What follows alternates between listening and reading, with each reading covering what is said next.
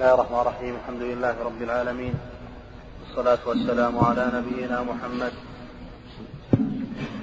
قال الإمام مسلم رحمه الله تعالى حدثنا قتيبة بن سعيد قال حدثنا ليث عن ابن عجلان عن محمد بن يحيى عن محمد بن يحيى بن حبان بن حبان عن ابن محيريز عن عن السنابحي عن عبادة بن الصامت رضي الله عنه قبله وحدثني أحمد بن إبراهيم الدورقي قال حدثنا مبشر ابن إسماعيل عن الأوزاعي عن عمير بن هانئ في هذا الإسناد بمثله غير أنه قال حد سم. اللي قبله عثمان؟ نعم. حديث عبادة؟ نحن الآن في حديث عبادة. من قبله.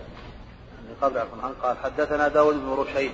نعم. حدثنا الوليد يعني ابن مسلم عن ابن جابر قال حدثني عمير بن هانئ قال حدثني جنادة بن أبي أمية قال حدثنا عبادة بن الصامت رضي الله عنه قال قال رسول الله صلى الله عليه وسلم من قال من قال أشهد أن لا إله إلا الله وحده لا شريك له وأن محمدا عبده ورسوله وأن عيسى عبد الله وابن أمته وكلمته وكلمته ألقاها إلى مريم وروح منه وأن الجنة حق وأن النار حق وأن النار حق أدخله الله من, أي أبواب الجنة الثمانية أدخله الله من أبواب الجنة الثمان من أي أبواب الجنة الثمانية من أي أبواب الجنة الثمانية شاء.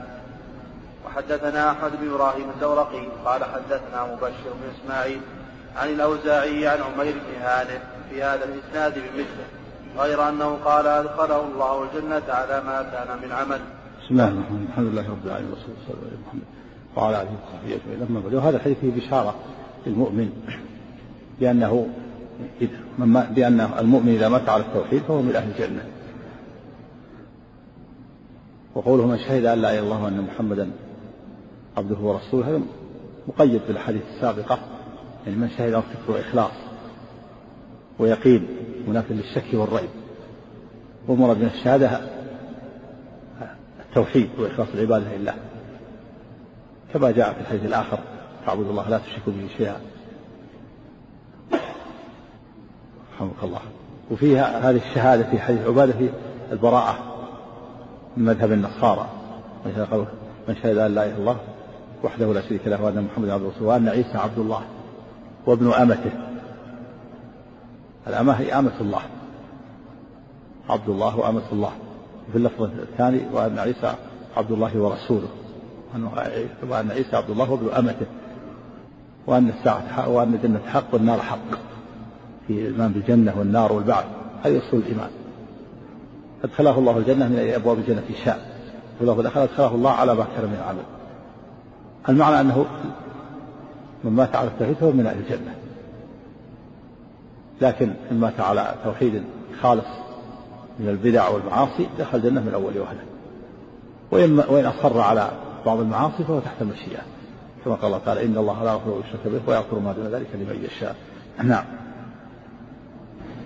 حدثنا قتيبة بن سعيد قال حدثنا ليث عن ابن عجلان عن محمد بن يحيى بن حبان عن ابن محيريز عن السنابحي عن عبادة بن الصامت رضي الله عنه أنه قال دخلت عليه دخلت عليه وهو في الموت. فبكيت فقال مهلا لم تبكي. يعني الصنابحي نعم دخل على عبادة نعم.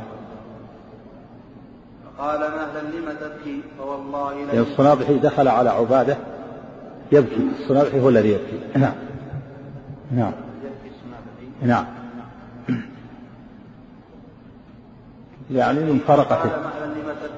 يعني لمفارقة عبادة. مفارقة الصحابي الجليل. وعرف أنه في الموت. فبكى. نعم. فقال مهلا لم تبكي؟ فوالله لئن استشهد نعم. لأشهدن لك. ولئن شفعت لأشفعن لك. وإن شفعت. ولئن شفعت. ولئن شفعت لأشفعن لك. ولئن استطعت لأنفعنك. يعني يقول عبادة يقول لا تبكي الصنابحي فوالله لئن استشهدت لا لا أشهدن لك ولن استشفاك لا أشفعن لك ولا أدخر خيرا لك. نعم. فوالله لئن استشهدت لأشهدن لك ولئن شفعت لأشفعن لك ولئن استطعت لأنفعنك. ثم قال والله ما من حديث سمعته من رسول الله صلى الله عليه وسلم لكم فيه خير إلا حدثتكم إلا حدثتكموه. وهكذا كل الصحابة رضوان الله عليهم بلغوا ما من شيء سمعوا من النبي إلا بلغوه بلغوه الأمة فقال أبو ذر لما أريد منعه فقال والله لو وضعت الصامة على هذه القفا واستطعت أن أنفذ كلمة أسمعها من الرسول لا أنفذتها قبل أن تجيزوا عليه. يعني لابد أن نبلغ حتى ولو وضع السيف. على رأسه لو استطعت أن أبلغ كلمة بلغتها قبل أن تجيزوا عليه قبل أن تقضوا عليه. نعم. ما من حديث سمعته من رسول الله صلى الله عليه وسلم لكم فيه خير. إلا حدثتكموه إلا حديثا واحدا وسوف أحدثكموه اليوم. وقد أحيط بنفسي. سمعت رسول الله. يعني قرب قرب من الموت وأيس من الحياة. كأنه حديث أخره. ثم أراد أن يحدث يحدث به خوفا من إثم الكتمان. نعم.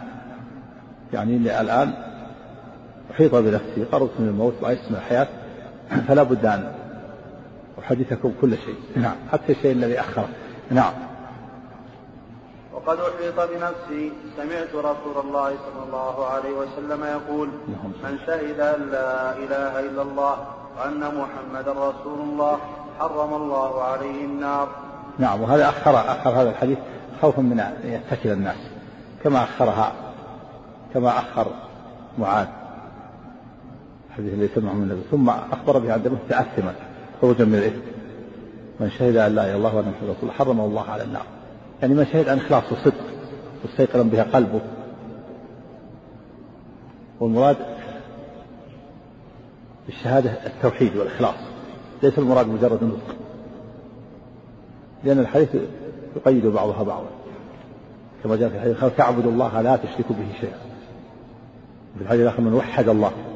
وهنا من شهد إله إلا الله يعني شهد عن, عن إخلاص وصدق ويقين. في الحديث الآخر غير شاك.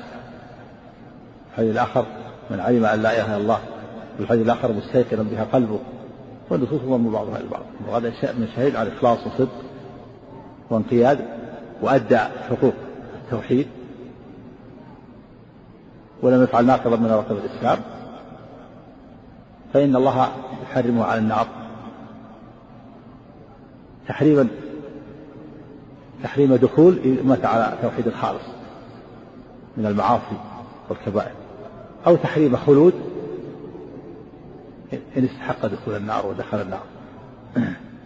فهو محرم على النار إما تحريم خلود أو تحريم دخول. تحريم خلود إذا مات على توحيد خالص لم يصر فيه على الكبائر. أو تحريم خلود إن مات على بعض الكبائر التي أصر عليها مع التوحيد. نعم. وهو تحت المشيئة. قد يصر على الكبائر ويعفى عنه. توحيده وإيمانه وإسلامه وحسنات قدمها قد قد يعذب نعم. ذكر النووي يقول القاضي عياض رحمه الله على عبارة من حديث كان في خير إلا حدثتكموه قال قال القاضي عياض رحمه الله فيه دليل على أنه كتم ما خشي الضرر فيه والفتنة مما لا يحتمله عقل كل واحد وذلك فيما ليس تحته عمل ولا فيه حد من حدود الشريعة. قال ومثل هذا عن الصحابة رضي الله عنهم كثير. مثل معاذ معاذ. لما قال يا معاذ تجب حق الله على العباد وحق العباد على الله. وقال أفلا أبشر الناس؟ قال لا تبشرهم فيتكلوا نعم. حدثنا هدام بن خالد الأزدي قال حدثنا همام قال حدثنا قتادة قال حدثنا أنس بن مالك رضي الله عنه عن معاذ بن جبل رضي الله عنه. قال كنت قال كنت ردف النبي صلى الله عليه وسلم ليس بيني وبينه إلا مؤخرة الرحم. فقال يا معاذ بن جبل هذا رف في لفظ رديف. في جواز الارتاح على الدابة إذا كانت تطيق ذلك. اللفظ الآخر كنت رديف النبي صلى الله عليه وسلم على حمار. يقال له عفير. هنا قال ما بينه وبينه إلا مؤخرة الرحل مؤخرة الرحل معلوم أن هذه إنما تكون على الإبل. تكون للإبل لكن المعروف في القصة أنه أنه على حمار. إيش قال على ليس بيني وبينه إلا مؤخرة؟ إلا مؤخرة الرحل كنت. لا قوله على بل ليس بيني وبينه. وذكر مراد عمر قلت ولد رسول الله صلى الله عليه وسلم ليس بيني وبينه الا مؤخرة. الرحل فقال يا معاذ ابن الجبل قلت لبيك كلام كلام كلام على مؤخرة. مؤخرة. بعده بعده كلام كلام على المؤخرة بس ما على كل حال في مؤخرة الرحل إنما تكون هذه على البعيد لكن القصة هذه على حمار. يعني على حمار. هو المعروف أنه على حمار. قال له عفيد. نعم. وفي دليل على أنه لا بأس يعني يركب على الدابة اثنان أو ثلاثة إذا كانت تطيق ذلك. نعم. أي حديث. هذا الكلام إيه، والآن ما هو أقول هي الأصل مؤخرة للجمل لكن ما يلزم من هذا أن يكون على جبل نعم. قول كنت ولدت رسول الله صلى الله عليه وسلم على حمار في قرن عتيق رفيع. بعين مهملة مضمومة ثم باء مفتوحة هذا الصواب في رواية الأصول معتمدة في وفي كتب أهل المعرفة بذلك قال الشيخ أبو عمرو بن صلاح رحمه الله وقول قاضي حيان رحمه الله أنه برين معجبه فوق أي المقصود الكلام في المؤخرة الآن. نعم وهو الحمار الذي كان له صلى الله عليه وسلم. قيل أنه مات في حجة الوداع. قالوا هذا الحديث يقتضي أن يكون هذا أن يكون هذا في مرة أخرى غير المرة المتقدمة في الحديث السابق. فإن مؤخره الرحل تختص بالإبل ولا تكون على حمار. قلت ويحتمل أن يكون قضية واحدة وأراد بالحديث الأول قدر مؤخره الرحل. والله أعلم. لعل هذا المعروف أنها قصة واحدة. يعني مقدار الرحل ولا المؤخرة العود هذا إنما يكون في في الإبل على الإبل. القصة على على حمار. نعم. يعني ليس بينه وبينه شيء. نعم. يعني أنه أنه ضبط ضبط الحديث. نعم. قال كنت رزق النبي صلى الله عليه وسلم ليس بيني وبينه إلا مؤخرة مؤخرة الرحم. يعني مقدار مؤخرة الرحم. وإلا فلا فليس هناك مؤخرة المؤخرة تكون على الإبل. نعم. فقال يا معاذ بن جبل قلت لبيك رسول الله قلت لبيك رسول الله وسعديك. ثم سار ساعة ثم قال يا معاذ بن جبل قلت لبيك رسول الله وسعديك. ثم سار ساعة ثم قال يا معاذ بن جبل قلت لبيك رسول الله وسعديك. وهذا تأكيد للمبالغة وليهتم بما يقال له. كرر حتى حتى يهتم معاذ وينتبه. هذا يدل على أنه أمر عظيم. قال يا معاذ بن جبل قال لبيك وسعديك يا رسول الله. ثم سار ساعة يعني جزءا من الزمن. وقال يا معاذ بن جبل قال لبيك يا رسول الله. ثم سار ساعة. يا معاذ بن جبل حتى يهتم ويتشوق إلى هذا الأمر العظيم. نعم. قال هل تدري ما حق الله على العباد؟ وهذا تشويق آخر. وهنا أخرجها في سورة السؤال. أتدري؟ تدري ما حق الله على العباد؟ وفيه أن أن العالم له أن يخرج المسألة العلمية في صورة السؤال. حتى ينبه الطلاب والمتعلمين ينتبهوا فتشفيق آخر هو كرر السؤال يا كرر النداء يا معاذ بن جبل ثلاث مرات. قال أتدري ما حق الله على العباد؟ اشتاق فقال الله ورسوله أعلم. ثم بين له.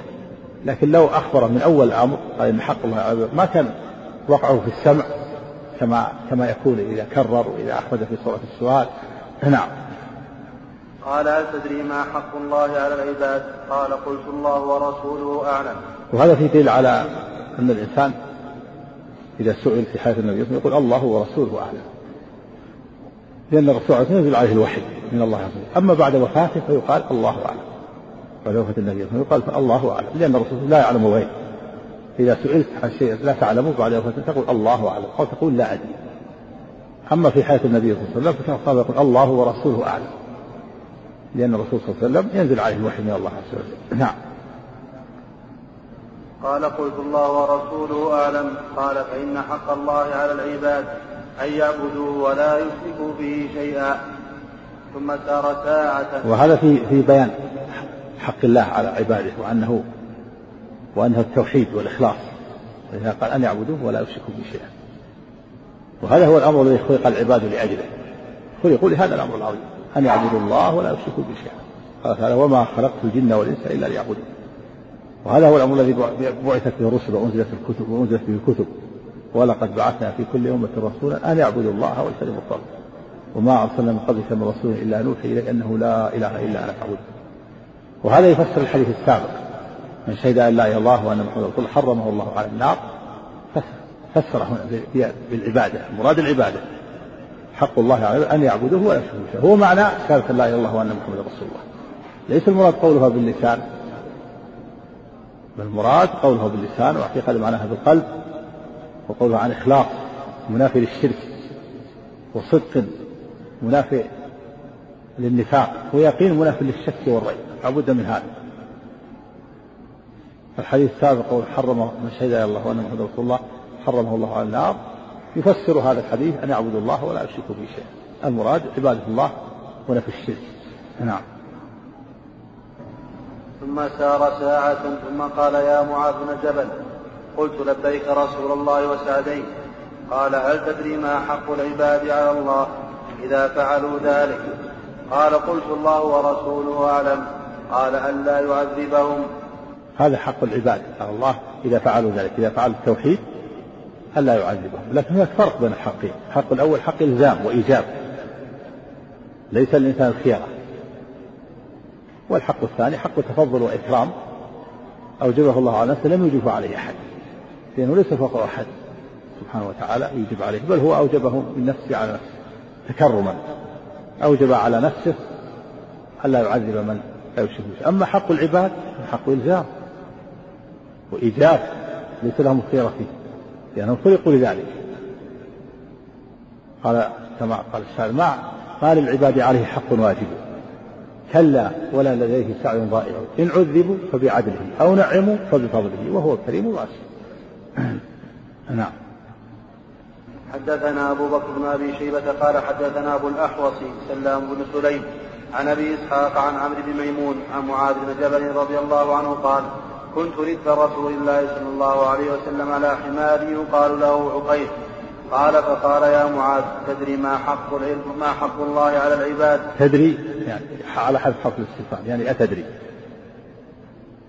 تدري ما حق على حذف يجوز حذف حرف الاستفهام. هذا أسلوب عربي معروف للعلم به. تدري ما حق الله يعني أتدري تقدير أتدري على على تقدير حرف الاستفهام. نعم. قال فقال يا معاذ تدري ما حق الله على العباد وما حق العباد على الله؟ قال قلت الله ورسوله أعلم. قال فإن حق الله على العباد أن يعبدوا أن يعبدوا الله ولا يشركوا به شيئا. وحق العباد على الله عز وجل أن لا يعذب من لا يشرك به شيئا. قال قلت يا رسول الله أفلا أبشر الناس؟ قال لا تبشرهم فيتكلوا نعم. ثم أخبر بها معاذ عند موته تأثما خروجا يعني من الإثم إثم الكتمان. كأنه فهم من النبي صلى الله عليه وسلم أنه ليس المراد المنع وأن المراد وقت دون وقت. فلهذا كتمها وقتا ثم أخبر بها عند موته. خروجا من الإثم. ولهذا قال بعض أنه لم يكتمها عن الأكياس والأخيار الذين يزدادون عملا صالحا لكن يكتمها عمن يخشى منه أن يغتر وأن يتكل. فلهذا أخرها وقت دون وقت ثم بعد عند موته أخبر بها تأثما يعني خروجا من الإثم الكتمان نعم. ولم يفهم من النبي أنه أراد المنع وأنه يكتمها لأن هذا معلوم من النصوص الأخرى أن الكتمان لا يجوز وأنه يجب تبليغ العلم ولا يجوز الإنسان أن يكتب ولا سيما عند الحاجة أو عند السؤال. لا بد أن يخبر الإنسان بما يبين ما عنده من العلم عند الحاجة أو عند السؤال. أما إذا لم يكن هناك حاجة هذا يكون الأمر على السعة أو كان الإنسان هناك شيء عنده تردد لم يضبط هذا ليس له أن يتكلم بشيء لا. ليس عنده فيه ضبط. نعم. حدثنا محمد بن مثنى وابن بشار قال ابن مثنى حدثنا محمد بن جعفر قال حدثنا شعبة عن أبي حصين والأشعث بن سليم أنهما سمع الأسود بن هلال يحدث عن معاذ بن جبل رضي الله عنه قال قال رسول الله صلى الله عليه وسلم يا معاذ أتدري ما حق الله على العباد؟ قال الله ورسوله أعلم. قال أن يعبد الله ولا أن يعبد الله ولا يشرك به شيء. أن يعبد الله؟ أن يعبد الله ولا يشرك به شيء. نعم. هو معنى قول أن يعبد أن يعبده ولا يشركوا به شيئا نعم. هذا هو التوحيد. وهو معنى شهادة أن لا إله إلا الله وأن محمد رسول الله. نعم. قال أتدري ما حقهم عليه إذا فعلوا ذلك فقال الله ورسوله أعلم قال أن لا يعذبهم. حدثنا القاسم بن زكريا قال حدثنا حسين عن زائدة عن أبي حصين عن الأسود بن هلال قال سمعت معاذ رضي الله عنه يقول دعاني رسول الله صلى الله عليه وسلم فأجبته فقال هل تدري ما حق الله على الناس نحو حديثهم؟ حدثني زهير بن حرب قال حدثنا عمرو بن يونس الحنفي قال حدثنا عكرمة بن عمار قال حدثني أبو كثير قال حدثني أبو هريرة رضي الله عنه قال كنا قعودا حول رسول الله صلى الله عليه وسلم معنا أبو بكر وعمر في نفر, في نفر. فقام رسول الله صلى الله عليه وسلم من بين أظهرنا فأبطأ علينا وخشينا أن يقتطع دوننا وفزعنا وفزعنا فقمنا. فكنت أول من فزع فخرجت أبتغي رسول الله صلى الله عليه وسلم. حتى أتيت حائطا من أنصار جبل النجار فزرت به هل أجد له بابا؟ فلم أجد فإذا ربيع يدخل في جوف حائط من بئر خارجة فإذا فإذا ربيع. فإذا ربيع يدخل في جوف حائط من بئر خارجة يعني ساقي ساقي ماء يدخل البستان. جدول نعم. فإذا ربيع نعم. فإذا ربيع فإذا ربيع يدخل في جوف حائط من بئر خارجة. والربيع الجدول. فاحتفزت كما يحتفز الثعلب. فدخلت على رسول يعني حفر. حفر ودخل في الفتحة وإن كانت صغيرة لك احتفز. يعني حاول أن يدخل وإن كانت الفتحة يعني ليست واسعة. حفر ودخل. البستان. نعم. لأن البستان محكم. ليس له أبواب وليس له منافذ. ما وجد إلا منفذ الماء هذا. دخل معه. نعم. فدخلت على رسول الله صلى الله عليه وسلم. فقال أبو هريرة فقلت نعم يا رسول الله. قال ما شأنك؟ قلت كنت بين أظهري كنت. بين أظهرنا قلت كنت بين أظهرنا فقمت فأبطأت علينا. فخشينا أن تقتطع دوننا ففزعنا. فكنت أول من فزع فأتيت هذا الحائط فاحتفزت كما يحتفز الثعلب. وهؤلاء الناس وهؤلاء الناس ورائي. فقال يا أبا هريرة فقال يا أبا هريرة وأعطاني نعلين قال اذهب بنعلي هاتين. فمن لقيت من وراء هذا الحائط يشهد أن لا إله إلا الله مستيقنا بها قلبه. فبشره بالجنة. وهذه بشارة بشارة عظيمة. من لقيته وراء هذا الحائط يشهد أن لا إله إلا الله مستيقنا بها قلبه فبشره بالجنة. فأعطاه العلاء النعلين علامة. وفيه أنه لا بد من هذا الخير مستيقنا بها قلبه. أما من قالها شك وريب فلا تنفعه. لا بد من اليقين هنا فيه الشك والريب من شهد أن لا إله إلا الله يعني وحد الله. مراد التوحيد والإخلاص. عرف معناها وعمل بمقتضاها وعبد الله ولم يقع في عمله الشرك. بشره بالجنة. هذا بشارة عظيمة لأهل التوحيد. أن من مات على التوحيد فهو من أهل الجنة. لكن هذا مقيد بالنصوص الأخرى. يعني إذا لم يقع في عمله شرك لم يفعل ناقض من نواقض الإسلام ولم يفعل كبيرة. فيفعل ناقض من نواقض الإسلام سقطت هذه الكلمة عليه سقط توحيده. وإذا فعل كبيرة مات عليها فهو متوعد عليه الوعيد الشديد. وهو تحت مشيئة الله. كما قال النبي صلى الله عليه وسلم في الحديث الآخر حديث أبي هريرة الصلاة الخمس والجمعة إلى الجمعة.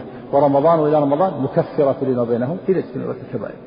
قال سبحانه إن تجتنبوا كبائر ما تنهون عنه نكفر عنكم سيئاتكم وندخلكم مدخلا كريما. هذه بشارة عظيمة وأعطى النبي صلى الله عليه وسلم عليه علامة. عليه الرسول كله يعرفها وأنه أرسل بهذه البشارة. اذهب فمن لقيت مرة أعطى يشهد أن لا إله إلا الله مستيقنا بها قلبك وبشره بالجنة نعم. هذا التوحيد على خير عظيم نعم. هذا هو الظاهر. تكلم عليه عندك رسالة؟ تكلم على قول الرب. قوله فقال ما هاتان النعلان يا أبا هريرة؟ فقلت هاتين النعلى رسول الله صلى الله عليه وسلم بعد النبي. لا هذا. هاتين نعلى نفس هاتين. ورفع النعل. وصحيح معناه فقلت يعني هاتين هما نعلى رسول الله صلى الله عليه وسلم. ما ما ما ذكر ما تكلم. قوله فإذا ربيع تكلم عن ربيع جدول. ها؟ ها؟ إيه. علامة نعم. قوله فإذا ربيع. لا شك أنها علامة يعني. علامة علامة على صدقه. ما أتى بشيء من عنده أن هذه نعي الرسول صلى الله عليه وسلم. الدليل على صدقه أن هذه نعي الرسول.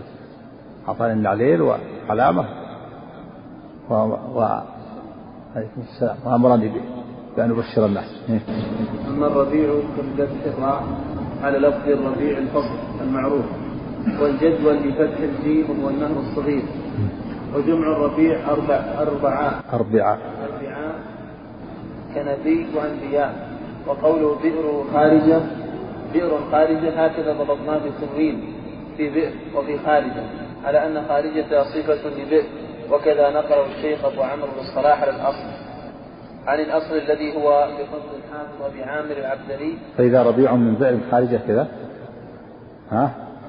في الحديث فإذا ربيع.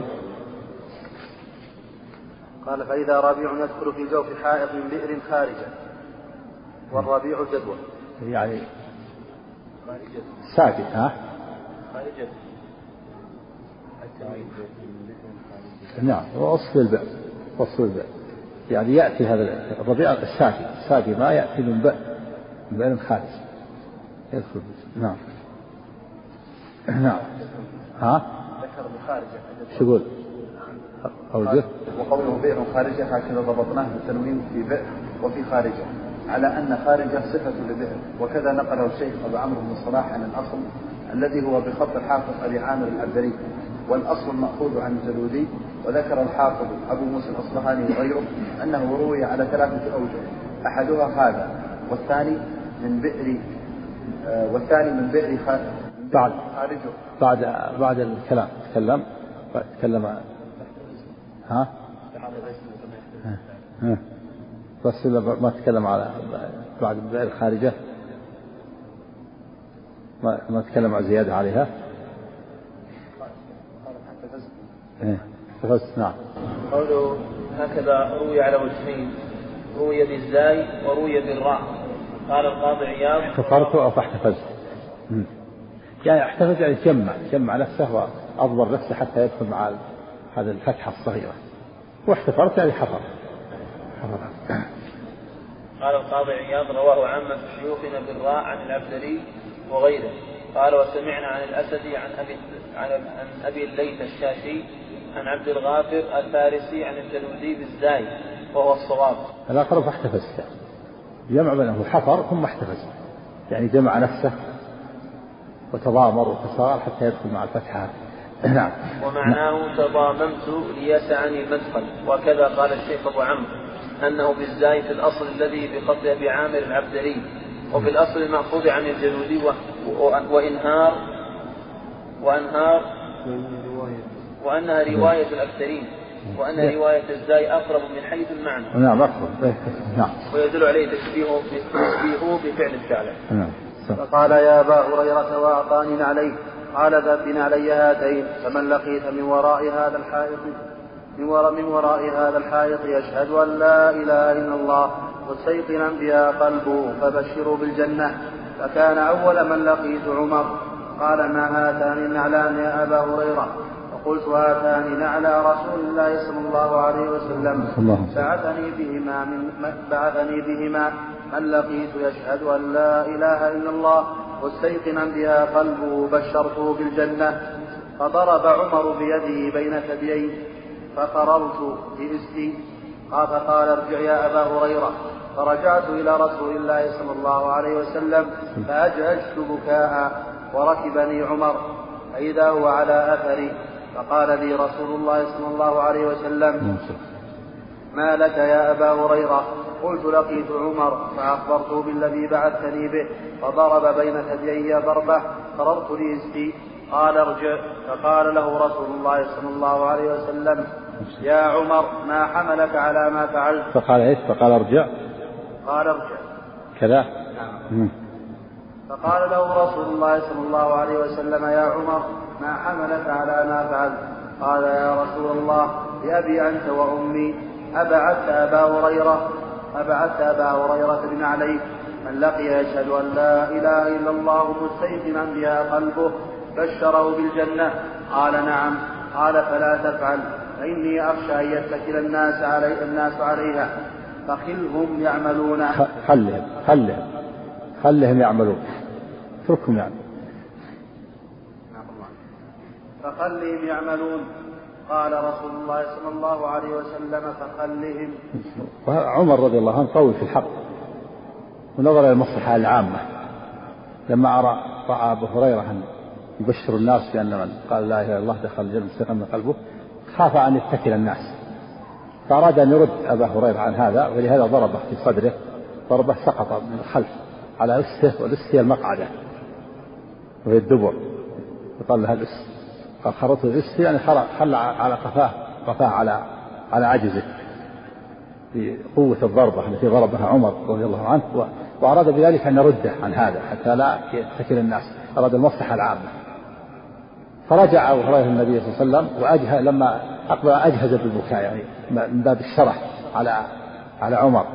كيف يضرب هذه الضربة؟ فأجهز لما أقبل عن بكى قال عمر قال ما لك يا أبا هريرة؟ قال إن عمر فعل كذا وكذا ضربني ضربة خرت لأسي. ولحق عمر. وركبني عمر يعني لحقه من خلفه. ضربه لحقه. لما ذهب لحقه. فلما جاء إلى النبي صلى الله عليه وسلم قال يا رسول الله أنت بعثت أبا هريرة يبشر الناس لما قال لا إله إلا الله مستقيما ودخل قال نعم. قال رسول فلا تفعل. بأبي أنت وأمي لا تفعل. إذا يتكل الناس. خلهم يعملون. فقال النبي خلهم.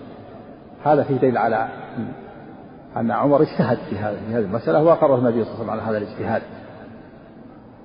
وإن كان هذا فيه فيه هذا العمل دفع أبي هريرة رحمك الله في, في هذا العمل يعني حصل عليه بعض المشقة إلا أن هذا فيه مصلحة عامة للأمة.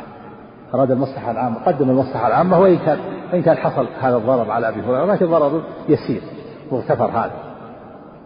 في جنب المصلحة العامة مثل مثل الإبل الآن يسمها الإنسان بالنار والنار تؤذي لكن هذا من المصلحة العامة.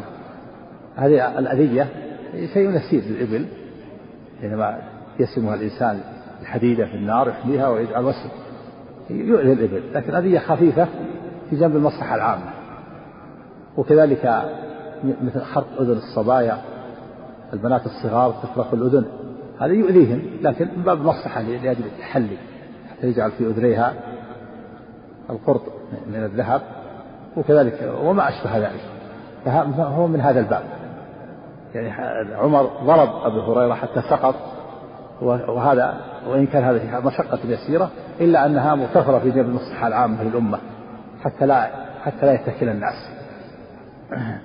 نعم تكلم عليه الشارح. لا خذ ضربة في هنا. ضرب أبي هريرة.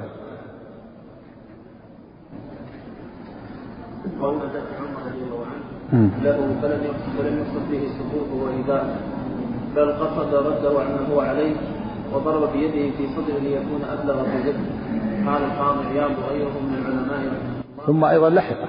ما تركه. ضربه لما خرج. لحقه. حتى يبين في الحال. يبين النبي صلى الله عليه وسلم. نعم. وليس فعل عمر رضي الله عنه مراجعته للنبي صلى الله عليه وسلم اعتراضا عليه وردا لأمره. إذ ليس فيما بعث به أبا هريرة غير تطيب قلوب الأمة وبشراهم.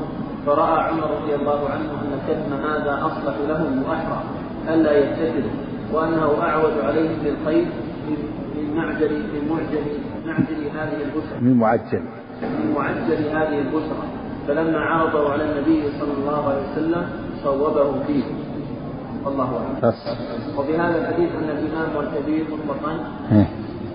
إذا رأى شيئا ورأى بعض أتباعه خلافه أنه ينبغي للتابع أن يعرضه على المتبوع لينظر فيه فإن ظهر له أن ما قاله التابع هو الصواب رجع إليه. إيه ما تكلم على قول يعني الدفع صحيح هذا وإن كان فيه وقوله لم يقصد الأذى صحيح لم يقصد الأذى. وقد وهو قصد يعني شيئا من ذلك لكن مغتفر هذا في جنب المصلحة العامة. في جنب المصلحة العامة للأمة هذا حصل مشقة على أبي هريرة ولهذا أجهز بالبكاء. لما أقبل على النبي صلى الله عليه وسلم من باب الشرح على عمر كيف يدفعه هذه الدفعة القوية ويسقط من خلفه وهو ما فعل شيئا فعل نفذ بشرة النبي صلى الله عليه وسلم أعطاه النبي صلى الله عليه. لكن عمر عنده بعد نظر في هذا أو رأى أن المصلحة العامة تقتضي هذا وأن لا يستمر في البشارة لئلا يتكل الناس. ولهذا قال يا رسول الله بأبي فيك بأبي وأمي. وفيه التفدية هنا. فعمر فدى الرسول بأبيه وأمه وهو عليه الصلاة والسلام لا شك أن محبته مقدمة على محبة الأبوين ومحبة النفس. قال بأبي أنت وأمي. أرسلته. يبشرون قال, قال لا تفعل. إذا يتكلوا خلهم يعملون.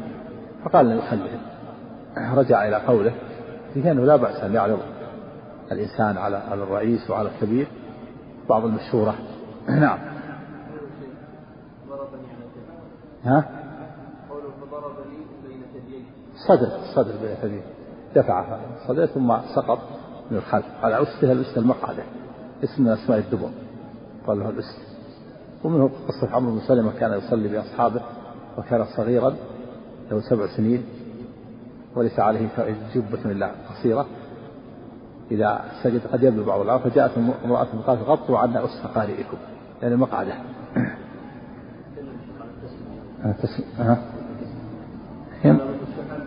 وأما قول الاستي فهو اسم من أسماء الدبر والمستحب في مثل هذا الكنان عن قبيح الأسماء واستعمال المجاز والألفاظ التي تحصل الغرض ولا يكون في صورتها ما يستحيا من التصريح بحقيقه لفظ. فهذا هذا. نعم من هذا؟ هو من هذا. نعم نعم.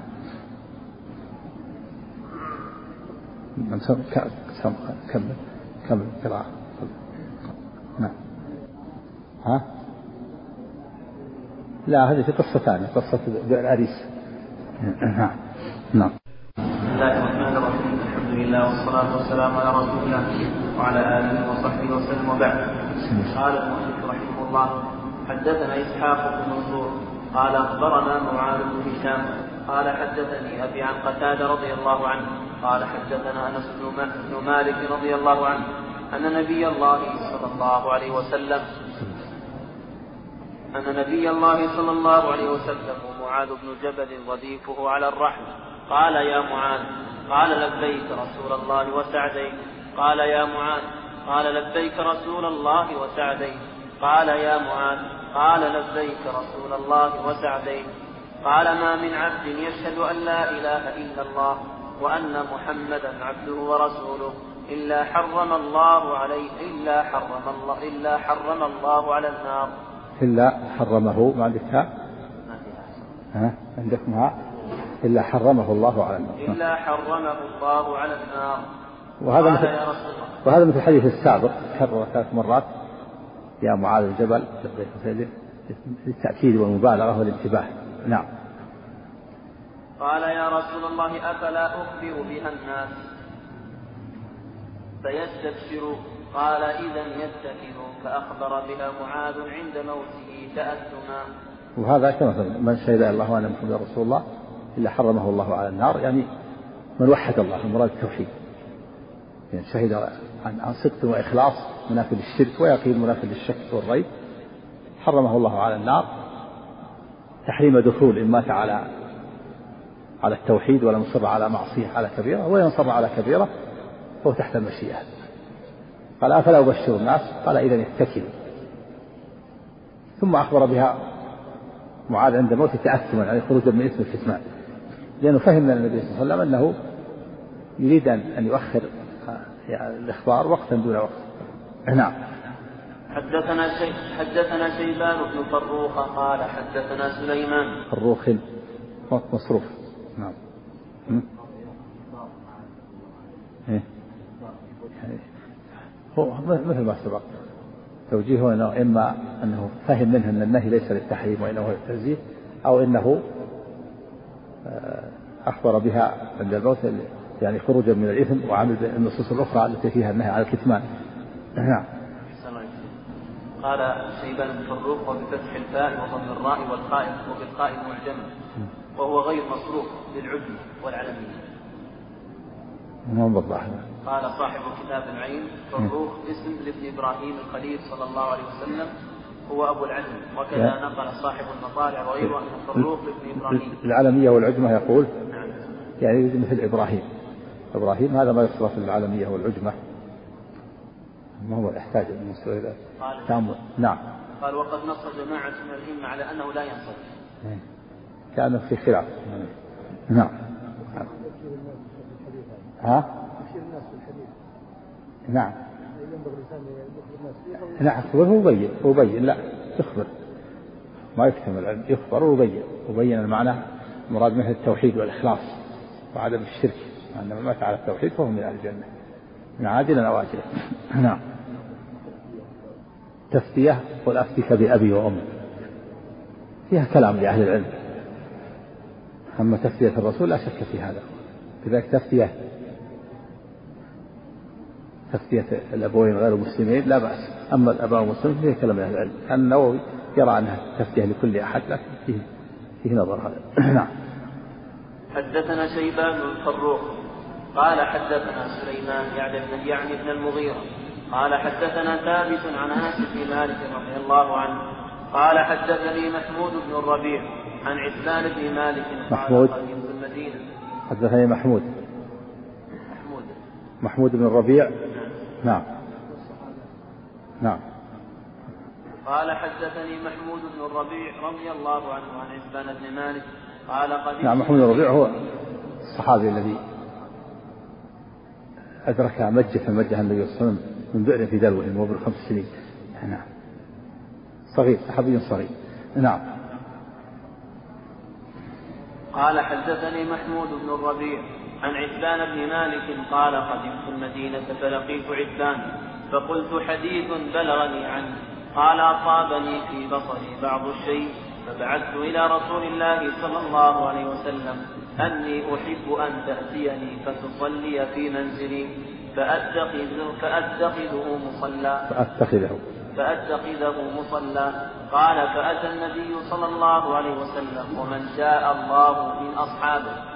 فدخل وهو يصلي في منزله وأصحابه يتحدثون بينهم ثم أسندوا عظم ذلك وكبره إلى مالك إلى مالك بن إلى, مالك بن دخشم بن دخشم قالوا ودوا أنه دعا عليه فهلك ودوا أنه أصابه شر فقضى رسول الله صلى الله عليه وسلم الصلاة وقال أليس يشهد أن لا إله إلا الله؟ وأني رسول الله. قالوا إن قالوا إنه يقول ذلك. وما هو في قلبه. قال لا يشهد أحد لا يشهد أحد أن لا إله إلا الله وأني رسول الله فيدخل النار أو تطعمه. قال أنس فأعجبني هذا الحديث فقلت لابني فقلت لابني اكتبه فكتبه. وهذا حديث عثمان. في الأفضل لهم قال فإن الله حرم على النار من قال لا إله إلا الله يبتغي بذلك وجه الله. هذا هو حديث عثمان التي ساقها الشيخ الإمام محمد بن في كتاب التوحيد باب التوحيد وما يكفر من الذنوب. أو في حديث حديث عثمان إن الله حرم على النار من قال لا إله إلا الله يبتغي بذلك وجه الله. في حديث عثمان أنه صبر شيء في بصره يعني ضعف بصره. وجاء النبي صلى الله عليه وسلم وقال أصلا إني أنكرت بصري وإني وبين المسجد واد. فإذا جاءت السيول منعني ذلك من المجيء إلى المسجد. فأحب يا رسول الله تأتي وتصلي في مكان في بيتي أتخذه مصلى. قال نعم أفعل. فجاء إليه النبي صلى الله عليه وسلم ومعه أبو بكر وبعض الصحابة في أنه جاء بعد بعد أن تعالى النهار الضحى وصلى بهم ركعتين. في دليل عنه لا بأس بالصلاة نافلة بعض الأحيان إذا لم يتخذ عادة. فإذا جاءت ضيوف في الضحى وصليتم جماعة أو في الليل فلا بأس بعض الأحيان. وفيه أنهم يتحدثون النبي يصلي. في بعضهم يصلي وبعضهم يتحدث. يتحدثوا عن المنافقين. وقالوا أن مالك بن الدخشم منهم. وودوا أن النبي يدعو عليه حتى يفركه الله ودوا أن يصيبه شر فلما سمعوا قال مالك تحدثون قال الله هذا مالك بن الدخشم انه من المنافقين. فقال أليس يشهد أن لا إله وأن محمدا رسول الله؟ قالوا بلى يشهد أن لا إله إلا الله. وليس ذلك في قلبه. فقال النبي صلى الله عليه وسلم فإن الله حرم على النار وقال لا إله إلا الله يبتغي بذلك وجه الله. أن النبي صلى الله عليه وسلم رد دافع عن هذا عن هذا الشخص. وفي دليل على أن الأصل الأصل في المسلم الإسلام. هنا لا ينتقل عن هذا الأصل إلا إلا بدليل. فإذا كان الإنسان ظاهره الإسلام فلا ينبغي رميه بالنفاق إلا بدليل. دليل واضح. ولهذا لما تحدثوا عن هذا الرجل وقالوا إنهم من المنافقين وفي اللفظ الآخر أنه قال أن النبي قال أليس يشهد قال قالوا نعم لكن اننا نرى وجهه وإقباله على المنافقين. فقال النبي صلى الله عليه وسلم فإن الله حرم على النار فقال لا إله إلا الله يبتغي بذلك وجه الله. عندك في هذا اللفظ فإن الله حرم على النار فإن الله وقال أليس يشهد أن لا إله إلا الله وأني رسول الله؟ قالوا إنه يقول ذلك وما هو في قلبه. قال لا يشهد أحد أن لا إله إلا الله وأني رسول الله فيدخل النار أو تطعمه. قال أنس فأعجبني هذا الحديث. يشهد أن لا إله إلا الله محمد رسول الله فيدخل النار. لا يشهد أن لا إله إلا الله وأن محمد رسول الله فتطعمه النار. يعني يشهد عن إخلاص وصدق ومحبة ويقين. والمراد يوحد الله. يعني يعبد الله ويوحد الله ولا يشرك به شيئا. أكثر من النصوص الأخرى ليس المراد قولها باللسان لأن من قالها باللسان وخالفها بأفعال لا تنفع بإجماع المسلمين. قال لا إله إلا الله وأن شهد الله وأن محمد رسول الله وهو يشرك بالله ما تنفع. النصوص تضم بعضها إلى بعض يعني يشهد أن لا إله إلا الله وأن محمد رسول الله يعني عن توحيد وإخلاص. كما جاء في الحديث الآخر تعبد الله لا تشرك به شيئا. اللفظ الآخر أن يوحد الله. وفي اللفظ إلا إلى أن يعبد الله ولا يشرك به شيء. وفي اللفظ الآخر من شهد أن لا إله إلا الله وكفر بما يعبد من دون الله. وفي اللفظ الآخر من مات وهو يعلم أن لا إله إلا الله. وفي اللفظ الآخر من قالها غير شاك فيحجب عن النار. وفي اللفظ الآخر قال مستيقنا بها قلبه. فالنصوص مضم بعضها إلى بعض. المراد هذا المراد في القيود الأخرى التي جاءت في الأحاديث. فأعجب أنس هذا الحديث فقال له أكتب هذا الحديث.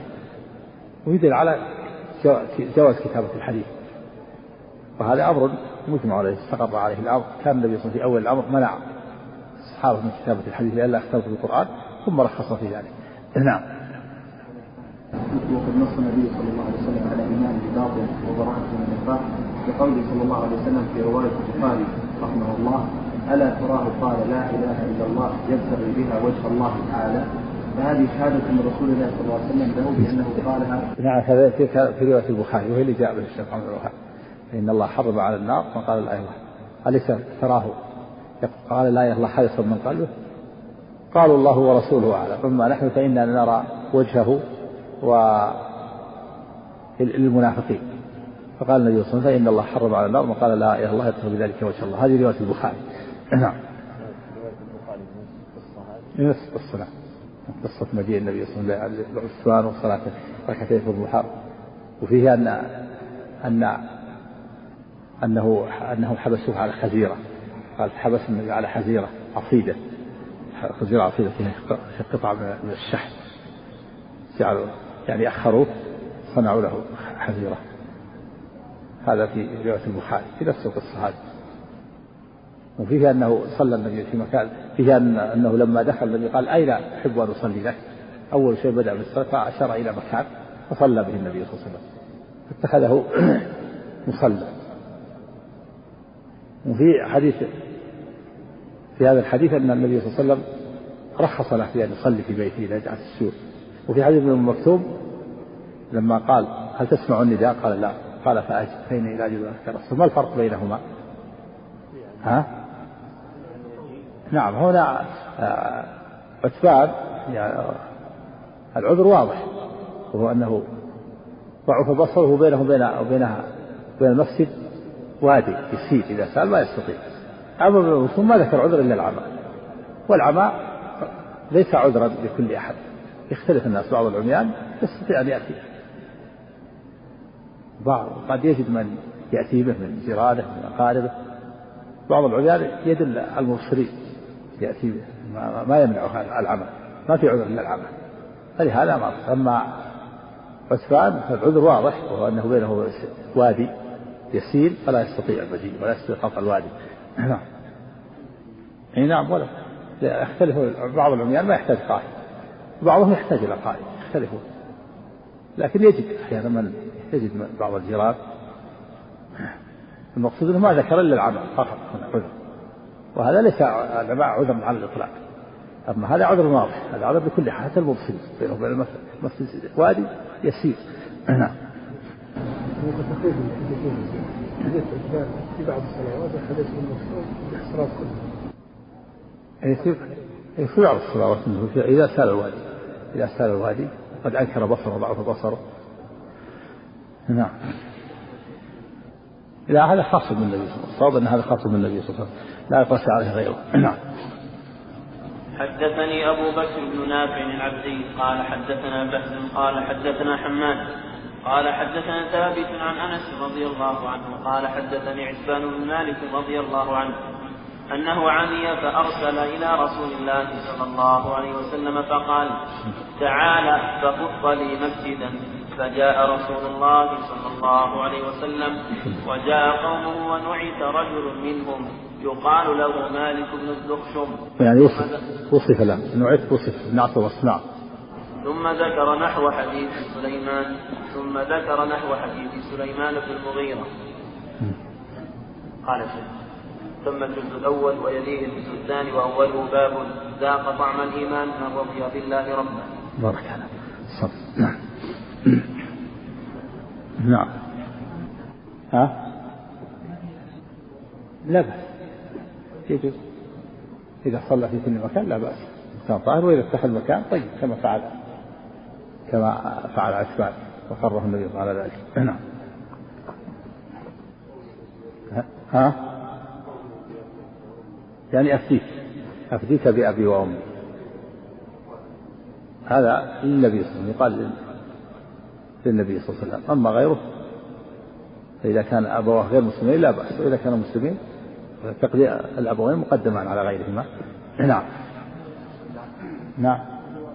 نعم ذكر في نظر ذكر الجواز أنه تفكير لكل أحد. نعم. حيث رضي بالله ربا والرضا يكون في القلب. رضي بالله ربا وبالإسلام دينا وبمحمد صلى الله عليه وسلم.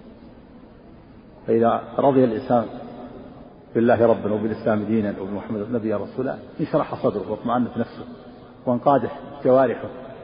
بالعمل الصالح. فمن رضي بالله ربا وبالإسلام دينا فإنه يذوق حلاوة الإيمان ولذة الإيمان بسبب صحة إيمانه وانشراح صدره وطمأنينة قلبه ثم تنبعث الجوارح بالأعمال. الجوارح لأن الملك لأن القلب هو ملك الأعضاء. عليكم السلام ورحمة الله. فإذا اطمأن القلب.